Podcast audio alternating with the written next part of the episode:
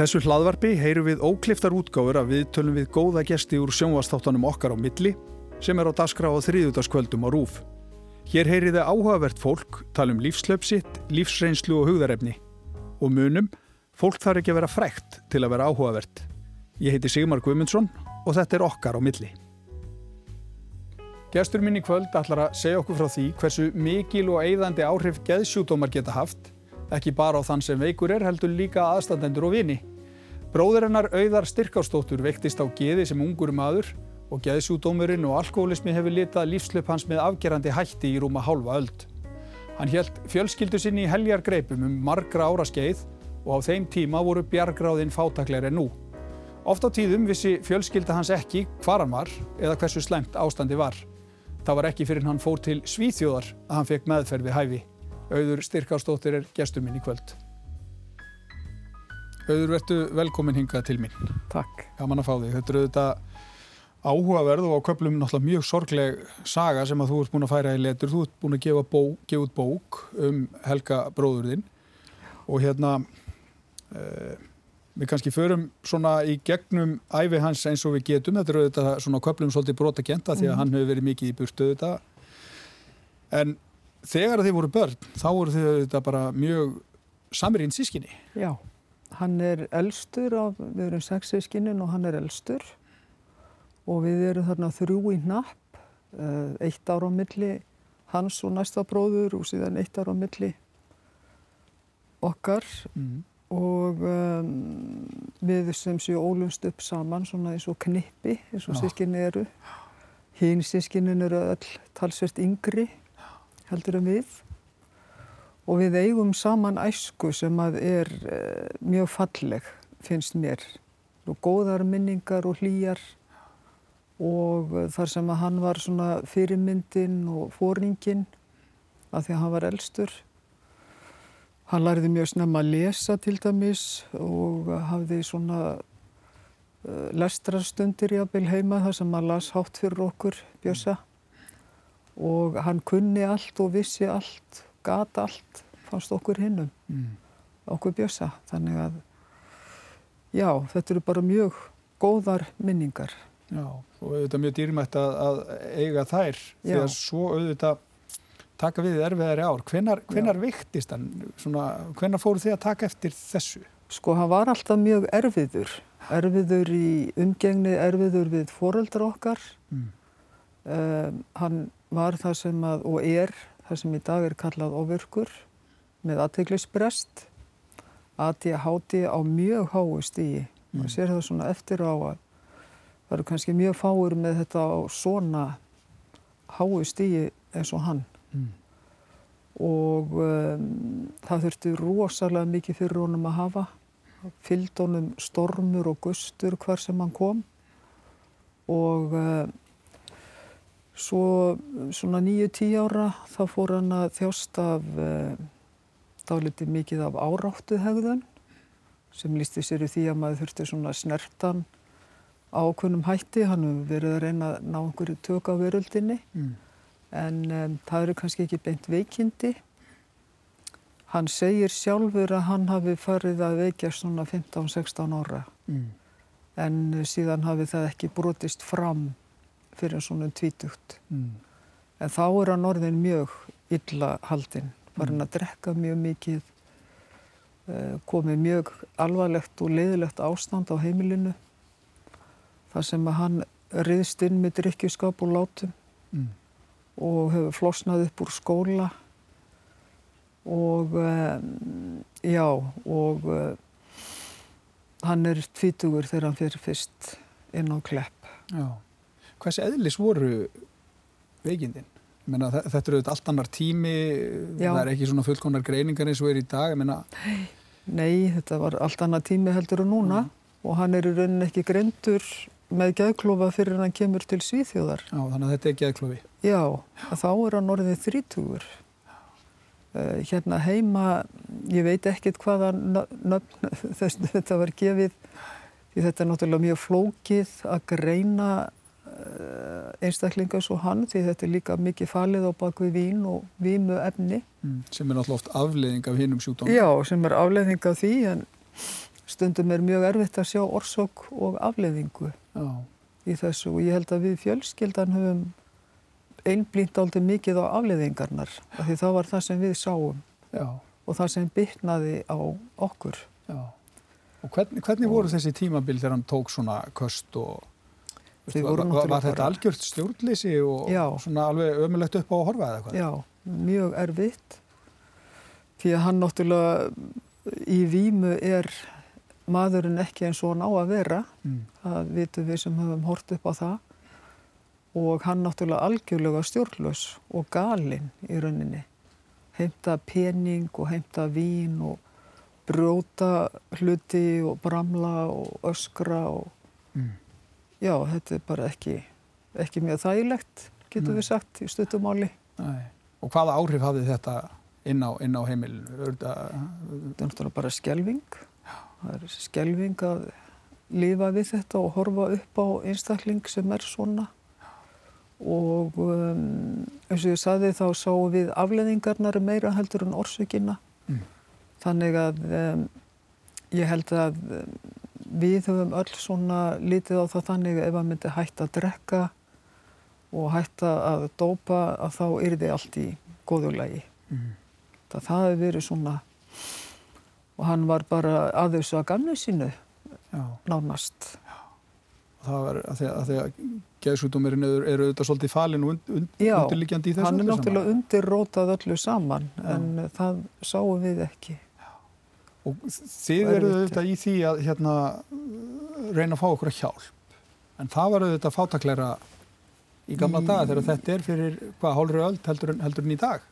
Já, talsvist mikið Já, og hann fer nú ekki fær nú enga meðhandlum við gegð sjúkdómi fyrir en eða já, hvað sem var undirliggjandi þarna fyrir en þarna um tvítugt og um, þá eru félagsráðgjafa stjettin svona rétt að byrja að koma til landsins. Mm. og um, mér sýnir svona eftir á að higgja að þarna hafi verið að verða dálítið kvörf í meðhöndlun, það er komið komin erlendis, er farið að bera á því að það er farið að meðhandla fólk meira í nær umhverfinu og farið að taka svona samfélagið og nær umhverfið inn. Mm. Það verið að meðhandla þessa sjúkdóma ekki bara með livjum, heldur líka í lífinu sjálfu, en hér var eiginlega ekkert svona til Nei. og svo aðstöð sem bauðst, uh, hún, var, hún var ekki til. Nei. En um, og móðum mér segi frá því að um, þau eru kölluð á fund félagsráðgjafa held ég að það hafi verið inn á kleppi og hún fer út með þá tilfinningu og þau að þetta sé þeim að kenna Mm. þessi veikindi í helga og það er náttúrulega hræðilegt að fá þá tilfinningu. Trúðu þau því sjálf? Sko þau eru náttúrulega mjög greindar manneskjur Já. og trúa þessu ekki en trúa því samt. Af því að það eru sérfræðingar að segja. Það eru sérfræðingar sem segja þetta og uh, það var svona viðhorfið í geðhelbriðismálum á þessum tíma. Voru þetta aldrei sterkir ströymar í þá áttina að svona geðsjúkdómar einhverfa, þetta sprettur upp úr rannsóknum á einhverfu og þar kemur fram hugtækið ísmæður. Einhver í bandaríkjanum, einhver mikil spekingur fann það út að, að því að mæðurna snertu ekki börnin að þá væru þær svo kaldar og það væru orsökin og undir rótin að því að barni var einhvert. Mm. En áttaði sér ekki á því að mæðurna snert ekki börnin og fóreldrarnir af því að börnin vilja það ekki og þau eru búin að læra það. En þetta er svona í þessum fræðum á þessum tíma. Já, og þetta auðvitað, sko, þetta er þá eiginlega svona tvöfalt áfall, annars verður að vera Já. með svona veikan són og hins vegar að fá það allt í henni fangi að, að þetta sé bara þér sjálfum að kenna. Ég meina, hvernig brúðust fóreldrað þínir við þessu? Það verður verið erfitt einhvern veginn að lifa með þessu. Sko það er alveg nóg að, að, hérna, ásaka sjálfan sig því allir fóreldrar sem að eiga veik börn eða eitthvað kemur fyrir að uh, það fyrsta sem fóreldrar gera er að spurja hvað gerði ég rámt hvað hefði ég geta gert öðru vísi og um, þetta er alveg nóg og um, maður þarf ekki sérfræðinga til að segja þetta líka. Nei. Þannig að fólk bara smá sem að brotnar undir, brotnar undan þessu álægi og uh, sama hversu eðlisgreint það er og veit að þetta er ekki rétt. Þá er þetta samt rétt á einhverjum staði í hjartanu. Já. Og þau brotnuðu bæði hvort með sínum hætti, segi ég. Já. Og hérna, hann auðvitað veikist meira og meira, hann Helgi Já. bróðin og uh, hann fær svona, já það tekið svona móti honum á klepp eins og þú ert að lýsa. En þetta var auðvitað þannig að hérna, hann var mikið á götunni, þið vissu ofta ekkit af honum Já. lengi vel og, og svona eins nöturlegt og það nú er að þá var það eins og þú ert að lýsa bara stundum gott. Það var eiginlega best að vita honum. Já, því þá var friður og ró. Þannig því að hún er fylgdi náttúrulega uh, mikil hasar og læti alltaf þegar hann byrtist.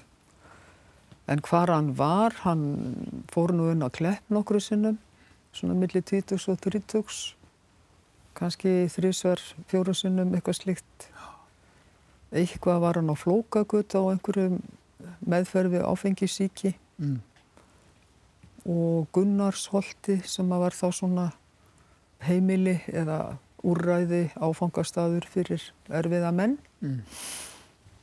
Svo var hann í einhverjum félagslegum íbúðum Reykjavíkuborgar en eh, mjög gætnan hend út eftir ákveðin tíma því að hann var, með, hann var mikil fylgdónum háaði og læti og drykkjuskapur. Já, Í rauninni veit ég voða lítið um, um þessi ár já, eftir að hann fer að heimann. Annaði þetta, hann kemur stundum heim til fóreldra minna og móður minnar eftir að þau skildu. Fóreldra minnir, algjörlega óður, heimta vín og peninga og ég má guðum að vita hvað og heim til af okkur og ömmu líka.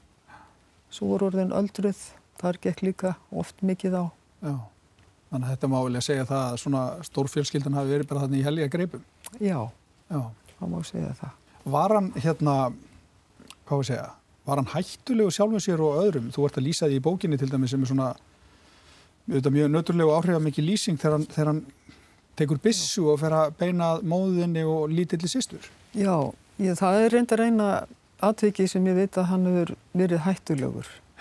Hann var ekki hættulegur öðrum. Nei. Það eru bara þessi læti og djöfulskapur sem að gera fólk hrætt, eðlilega. Maður var alltaf hálf rættu við hann.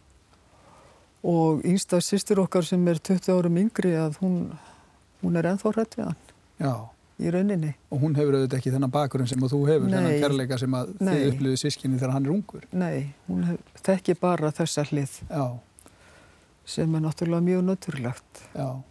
En þetta virðist svona eins og þú ert að lýsa þetta tiltekna atvik, það svona situr í fjölskyldun allir með sikkur um hætti og þið vituð öll af þessu en þið eruð ekkit endilega öll viss um það svona hver var hvar eða Nei. nákvæmlega hvað þetta, þetta, þetta er svona svolítið Nei, þetta er aldrei merkilegt nefnilega með minni, minnið Já, og mannskeppnuna. Það er svo hverfult og mismunandi og þegar ég fór að bera þetta undir sískinni minn, ég skrifaði fyrst svona handrit og það sem að meðal annars er þessi riffilkabli, þar sem ég lýsi því hvernig ég upplifi hlutin. mm, Uh, þá kemur í ljós að þau hafa allt aðra minningu uh, og þau voru þarna sem að mér fannst ekki tafa verið. Þau sá hluti sem ég sá ekki og uh, svona eftir á að higgja þá efast maður um að þetta hafi átt sér stað. en þetta auðvitað átti sér stað. Þetta átti sér stað en hvernig, það höfum við öll ólíkar minningar um. Já, Og mér er að segja að móðurinn mér lýsir þessu með sínum hætti. Hún segist að það hafa verið einheima. já, En við öll vorum þarna líka, já, einhvern veginn. Samt töluðum við aldrei um þetta. Og um, það var einhvern veginn þannig að um, við töluðum bara yfirleitt ekkit um Helga. nei. Þetta var svona eins og, eins og hann væri bara ekki með. Já, það var bara, hú, hann, hann er ekki hér. Það var einhvern veginn þannig. Já. En hvaða áhrif hefur þetta til dæmis bara á, á þig að þú ert með auðvitað þessar fallegu minningar átt svo fallegt samband við hann þegar þið eruð ung og svo Já. allt í einu er allt ger breytt. Ég meina, það lítur að vera svona tókstrita í, í, í þessu. Já, svona öfri unglings árin þegar hann fyrir að verða svona óbúslega erfiður að þá mm, svona hverfur hann inn í heim sem að maður þekkir ekki og er náttúrulega bara mjög erfiður og það er erfitt að horfa upp á hann svona. Erfitt að sjá hvernig það breytist og uh, er ekki lengur sá sem að hann á að vera Mm. og er. Það er bara líka mjög sorglegt og bara átakanlegt Mm. að horfa á sína nánustu í þessu ástandi. Já, og svona allur tilfinningaskalinn og kannski ekki síst söknuður eftir því sem það var. Söknuður eftir því sem var og hefði geta orðið. Ég til dæmis sakna þess alltaf að eiga hann ekki sem stóran bróður Mm. til að leita til sem hann hefði átt að vera. Og það er reyði náttúrulega og um, er líka ást og væntum þykja. Mm. Þannig að þetta eru mjög flóknar og erfiðar tilfinningar eiginlega, Já, það er, er ekki hægt að segja annað. Já. En uh, hvað svona, hvað mætti honum inn á kleppi? Hvað var sagt við hann? Ég minna, hann, hann er svona eiginlega bara, eins og þú ert að lýsa, hann er náttúrulega bara fárveikur. Já, mjög veikur og um, ég held í fyrsta sinn sem á fórðangað að þá hafi nú allt gengið vel. Uh, ég man ekki hvað var lengi en það voru einhverja veikur. Svo var hann e- einhver svona, já, einhver svona dagdeild eða eitthvað slíkt. Minnir mig, ég maður þetta nú óljóst. En eftir því sem tímar líða og hann verður erfiðari og erfiðari að þá á kleppur erfiðara með að taka við honum af einhverjum ástæðum. Ég held að þau hafi bara ekkert ráðið við þetta mikla verkefni. Nei, þannig að veikasta fólki í raun og veru það átti ekkit endilega skjól þarna sem Nei. ættu þetta að vera. Nei, átti það ekki. Ég vona að það hafi breyst. Já, Ég held að það hafi breyst já, já. og veit. Já, óvist að þegar við komum nú að því að þú hefur starfað innan, innan þessa málaflokks en, en hérna þetta færist nú svona svolítið til betri vegar er það ekki þegar hann flytur til Svíþjóðar. Jú. Hve- Hvernig kom það til og svona, hve- hvernig Eh, þróaðist þetta þar? Hann fór bara með vinni sínum sem var dálítið eldri en hann og einhverja hluta vegna þá fóruðu til Sýþjóðar, til Malmö. Ég veit ekki hvað kom til. Kanski bara þeir að um, það er betra líf þar. Og Helgi fekk strax vinnu uh, sem var mjög merkilegt því að hér hafði hann flosnað upp úr bæði námi og öllum störfum, hjælt aldrei vinnu lengi. En þarna var hann í að vinna í málengarversmið í 2-3 ár og um, svo dó vinnur hans og þá fyrir svona að eh, flosna undan helga og lokum missir hann vinnuna þá er hann sennilega farin að mæta stópult. Já, og þið eru auðvitað ekki mikið að heyra á honum á þessum tíma og fáið heyrum- mikla vitneskir um það fyrir en hann einhvern veginn dettur inn í kerfið Já. upp úr svona kasti. Já, þetta er inn í sænska velferðarkerfið, sjúkrahúsa og, og velferðarkerfið. Mætir þar með nýfi í kjálkanum Já, á bráðamóttöku og allir er mjög illa á sig komin. Þá höfðu við ekki hyrt á honum í kannski, eða móður mín í eitt ár rúmt. En fólki á spítalanu verður strax ljóst að þessi maður er alvarlega veikur og þegar búður að sæma saman þá er hann farður inn á geðdelt Mm. og er búinn að vera þar í einhver tíma þegar læknir ringir í mömmu til að segja henni frá þessu. Þá er búið að hafa upp á því hvaða maður þetta er og hvaðan hann kemur og hvað hann heitir og svo liðis. Og um, segir síðan við hana að hann geti verið í Svíþjóð. Hann er þá orðin vegna samninga Norðurlandana þá eru við öll eitt í rauninni og um, hann getur auðvitað verið í Svíþjóð en spyr hvort hann eigi að senda hann heim, hvort hún vilji það. Og hún segir nei í Guðspannum, ef þið viljið hafa hann og hlúa að honum þá verð ég eilíflega þakklátt mm. Og síðan hefur hann verið þar. Já, og hérna, og þar hefur hann svona farið þetta svolítið á milli inn í kerfinu eftir því hvert ástandars hefur verið Já, hverju sinni að því að þetta hefur náttúrulega Já. ekki alveg verið bein braut í Svíþjóð þótt að hafa þetta gengið betur þar heldur en hér. Nei, þetta verður alls ekki verið bein braut og um, þetta er aldrei merkilegt að strax þarna 1980 þegar 82-3 þegar Helgi fyrir fyrst þarna inn á spítala og síðan tekur kerfið við honum að þá eru strax þá svíjar komnir með alveg mjög stert og upplugt kerfi fyrir alla sína einstaklinga líka svona þá erfiðustu eins og Helgi var og er. Ljós árum á undan okkur. Ljós árum á undan. Við erum fyrst núna svona að byrja að feta okkur inn í það. Já, En hann hefur svona farið upp og niður í þessi kerfi eftir í hvernig hefur staðið á. Ef fólk vil vera að dópa og drekka þá eru til úrræði til þess. Fólk er aldrei skilið eftir þannig að það eigi ekki einhvert nætur atkvarf og jápil eitthvað sem þau geta kallað sitt heimili Mm. þó sé bara lítil herbyrgis kompa í, í þess vegna gámabyggð mm, þau eru vestlætur og síðan yfir í það að hafa sína eigin íbúð eins og hann er núna og hefur svo sem líka áður átt slíkar íbúðir og sem atkvörf bara í mjög fallegu hverfi í Gautaborg mm. og það er mjög uh, upp hérna örfandi að fylgjast með því hvað er hægt að gera í gegnum það sem að ég les út úr helga vegferð í kerfinu. Já, Því það er svo ótrúlega margt. Já, fjölbreytt úrræði sem eru auðvitað líkil atriða því að já. þetta er svo mismöndum milli einstaklinga. Já, við erum ekkert öll eins. Þarfir einstaklingan eru mér að segja mismunandi á ákveðnu tímum. Mm. Stundum hefur hann verið edrú og þá fær hann fallegar íbúðir og goðar. Stundum fer allt til fjandans og þá er til úrræði fyrir það. En alltaf einhver sem fylgist með Já. og hann getur leita til. Mm. Hvernig hefur hérna samband ykkar uh, og hvernig var samband ykkar fjölskyldunar til dæmis foreldraðina og, og já, þín og hans svona í, í gegnum, gegnum þetta? Sko hann hefur alltaf haft samband við mömmu og uh, uh, framundir svona 95 eða eitthvað slíkt að þá var hún svona eiginlega svo eina sem hafði samband við hann og hann við á móti okkur í fjölskyldunni.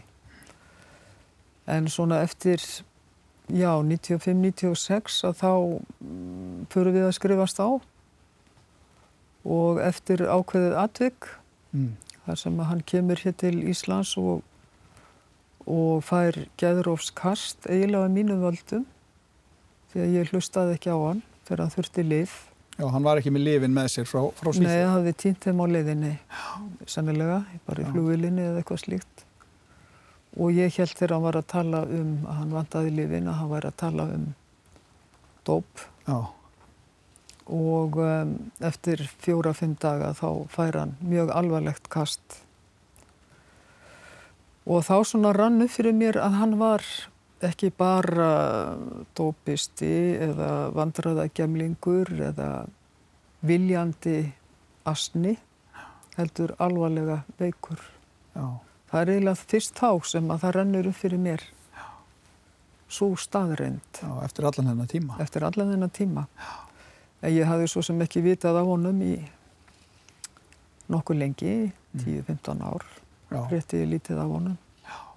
En það, það, það er eiginlega með ólíkjum að hugsa til þess sko hvað þetta gerist fljótt. Já. Hættir á livjónum og er svo bara komin í, í, í kast eða gerof. Já, og sínur kannski hvað hann er mi- mikið veikur Já. Og þarf gífurlega mikla aðstöð. Ekki bara, já, fyrst og fremst í gegnum lífin, en líka bara til að lifa lífinu. Já. Því að það er honum ekki létt verk. Nei. Það er reynd útsatt alveg hörmulegt verk. Hörmulega erfitt. Mm. Og þetta, sko, þú, þú ert aðeins að, að lýsa því líka að hann svona, það, það, er erfitt fyrir hann eða því að minnstu kosti náið ekki til hans með það að útskýra til dæmis bara hvað er að gerast í veikindunum. Hann auðvitað heyri rattir Mm og hérna, hann, hann á svona erfitt með að útskýra Já. þetta en það er svo sem kannski oft erfitt að útskýra svona óraukur þetta hegðun sem að fylgir auðvitað svona veikindum. Já, ég held að hann eigi bara mjög erfitt með að átt, hérna, sk- útskýra þetta því hann áttar sig ekki á sama hátt og við Mm. hvað er veruleiki og hvað ekki. Fyrir honum er þetta allt veruleiki, rattirnar sem hann heyrir, Og heyrir henni í dag. heyrir hann í dag. Og uh, þrátt fyrir lif þá kemur það fyrir. Og ímis um, konar sýnir og, og bara veruleiki sem er okkur mjög framandi. Já. en er fyrir honum veruleikin og það er auðvitað mjög erfitt að koma því á framfæri við aðra. Já. hvernig þessi veruleiki er hann byrtist kannski í myndunum sem hann teiknar Mm. Hann er náttúrulega listrætt, já, hann er mjög listrætt skapandi. og já, mjög skapandi og í gegnum þessar myndir þá fara maður þetta litla einsinn í hans hugar heim Mm. og hvað hann er að glíma við í rauninni Mm. mjög sérstakar myndir Já, já. En hann heyri rattir og, og stundum er einhver að lýsa inn í herbyrgi til hans og svona óþægilegt í gangi sem að hef ég lesið í gegnum brefinnans. Já. Hann hefur skrifað mér mikið af brefum í gegnum tíðina og í gegnum þau má lesa ýmislegt. Já. Og þetta eru auðvitað bara svona ofsalega brota kendar upplýsingar sem að Já, hafið bæði um lífslöp hans og auðvitað Já. líðan og, og, og, veikindi. já, þetta er mjög brotakent eins og hans líf bara. Já. Hans líf er mjög brotakent, allt í kringum hann. Já. Og svona verið auðvitað óreiða sem að fylgir því miður svona sjúkdómum. En hérna, Já. hvernig sér hann þetta lífslöp sem er náttúrulega köflum alveg óskaplega sorglegt? Mm, ég veit það ekki. Allan sjáu þetta ekki sem verkefni bara sem að þarf að þrauka í gegnum. Já. Hann uh, segir í einhverju brefi til mín að hann skilji nú ekkit í þessu lífi. En hver skilur það svo sem? Ekki skiljið mikið í því. Nei, það er nú svona þannig. En uh, hann náttúrulega hefur fengið alveg ótrúlegar byrðar að bera. Ólíkt okkur mörgum. Já. öll fáum við nú eitthvað en hans hlutskipti er mjög erfitt Já. og mjög sárt Mm. að horfa á það. En nú ætla ég auðvitað ekki að líka þessu saman en, en uh, sko byrðarna sem að þið berið fjölskyldans, þær eru nú ekkert smáraði heldur því að þetta eru sjúkdómar sem að hafa svo mikil áhrifi í Já. kringu sig. Ég meina, Já, hefur þetta mótað þig? Ég veit ekki, sko, af, svona, þitt líf, afstöðu til lífsins, hugafar? allt mótar mannin, allt sem við uh, lendum í og allt sem gerist, þá mótar okkur með einhverjum hætti og uh, enginn hannu dómar í eigin sög. Þannig að ég veit ekki hvað, ef hann hefði, jú, ég hef stundum veldi fyrir mér hvað hefði orðið aðalega þá um hann ef hann hefði ekki þurft að takast á við þetta mikla verkefni. Já, Það hefði orðið friðsætla í kringum okkur öll og við kannski notið okkar betur, já, ég held það, og hanna sjálfsögðu. og hann að sjálfsögðu. Já. Já, En hérna, eitt af því sem að maður heyrir oft að því að þetta er auðvitað, hann byrjar að veikjast fyrir þetta um fimm áratugum síðan sem er auðvitað allt annar tími heldur en er í dag. Það er að já, fólk svona tekst á við þetta oft bara með þögninni. Það er ekki mikið verið að tala um þetta, hvorki Nei. kannski innan fjölskyldunar og hvað þá út á við. já. Nei, þetta er ekki það fyrsta sem maður saði frá. Nei. Ég hef hérna gefið Og góð auðvitað ekki bróður. það fyrsta sem fólk færir í tal við. Nei, En það vissu auðvitað allir af. Já, allir svona vinnir og kunningjar fóreldra minna og, og ættingjar vissu þetta auðvitað. En uh, þetta er eitthvað sem við sískinin held ég uh, pugruðumst með mjög lengi. Já, og vorum ekkert að leggja svona á borð með okkur þar sem við komum. nei, Og geðsjúkdómar eru eða voru, vonandi er það nú að breytast, eitthvað sem að fyldi einhver skam og um, var ekki mikið talað um, nei, alls ekki. Og um, fordómar miklir í kringum á og uh, því miður kannski ennþá, mm eimir eftir að þau fordómum þó að maður sé alltaf að reyna að slá á þá og, já, já. og svona. En Þá er þetta það var nú blessunlega margt auðvitað til betri vegar en En það eru auðvitað þannig að bæði þessi reynsla og hérna það að það er svona það hafa verið geðsútómar á fleiri stöðum í þínu nærumhverju. Það hefur auðvitað fært þig út í það að Já. reyna að skilja, reyna að hjálpa og þú hefur starfað svolítið innan, innan geðhjálpar. Það eru auðvitað Jú. bara allt beint upp úr þessu, er það ekki? Jú, það er beint upp úr þessu og um, kemur náttúrulega til að því að þetta stendur mér nær og uh, sko Helgi hefur ekki rödd og þeir sem glýma við alvarlega geðsjúkdóma hafa ekki rödd og verða að um, treysta á náungan og náunga kærleika og þá sem næstir þeim standa. Mm. og um, auðvitað hérna reynir maður að leggja því lið eins og hægt er. Og um, sumur náttúrulega geta að tala sínu máli og eiga að fá að gera það og gera það mjög glæsilega margir Mm. aðri geta það ekki eins og helgi og þá þarf maður að, að hlaupa í það skarð með einhverjum hætti og um, þetta starfi kringum geðhjálp hefur veitt mér persónulega mjög mikið og ég er innilega þakklátt öllu því góða fólki sem ég kynst í gegnum það starf Mm. og uh, það félag vinnur mjög merkilegt starf í þá geðsjúkra og geðheilbriðismála. Mm. Og þarna auðvitað kannski kynnist þú og hittir fólk sem hefur verið í sömu eða svipum spórum. Já, og maður getur borðið sama bækur ok- okkar og annaði þeim dúr. Uh, í þessu félagi hitti ég uh, einnig uh, konur, svona af kynnslóð móður minnar, sem höfðu sömu sögu að segja og hún. Það er að segja að það er konnuðust við þetta ísmóður tal Mm. uh, að uh, vera svona hálfpartinn og jafnvel alpartinn stundum, kentum Mm. uh, veikleika og sjúkdóma. Mm. Og því miður er þetta nú svona ennþá til í dag að fóruldurum sé kentum, sérstaklega svona ofvirkni. Uh, í þá daga hétt þetta óþekkt, óþekkt Mm. og í dag heitir þetta líka óþekkt hjá þeim sem ekki vita betur. Og, um, en þetta eru náttúrulega sjúkdómar eða frávik sem er hægt að takast á við í dag. Já, já. Það var ekki hægt þá.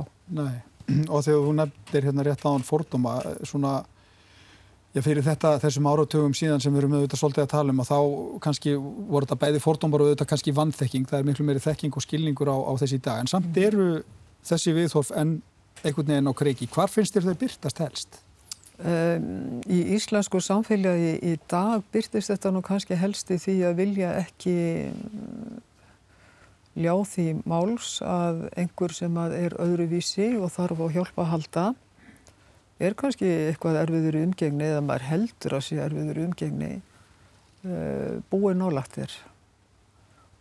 Og uh, þetta kemur upp aftur og aftur þegar á að fara að stopna einhver sambíli Hvað sem það eru geðsjúkir, fangar, um, einhverfir jafnvel, Mm.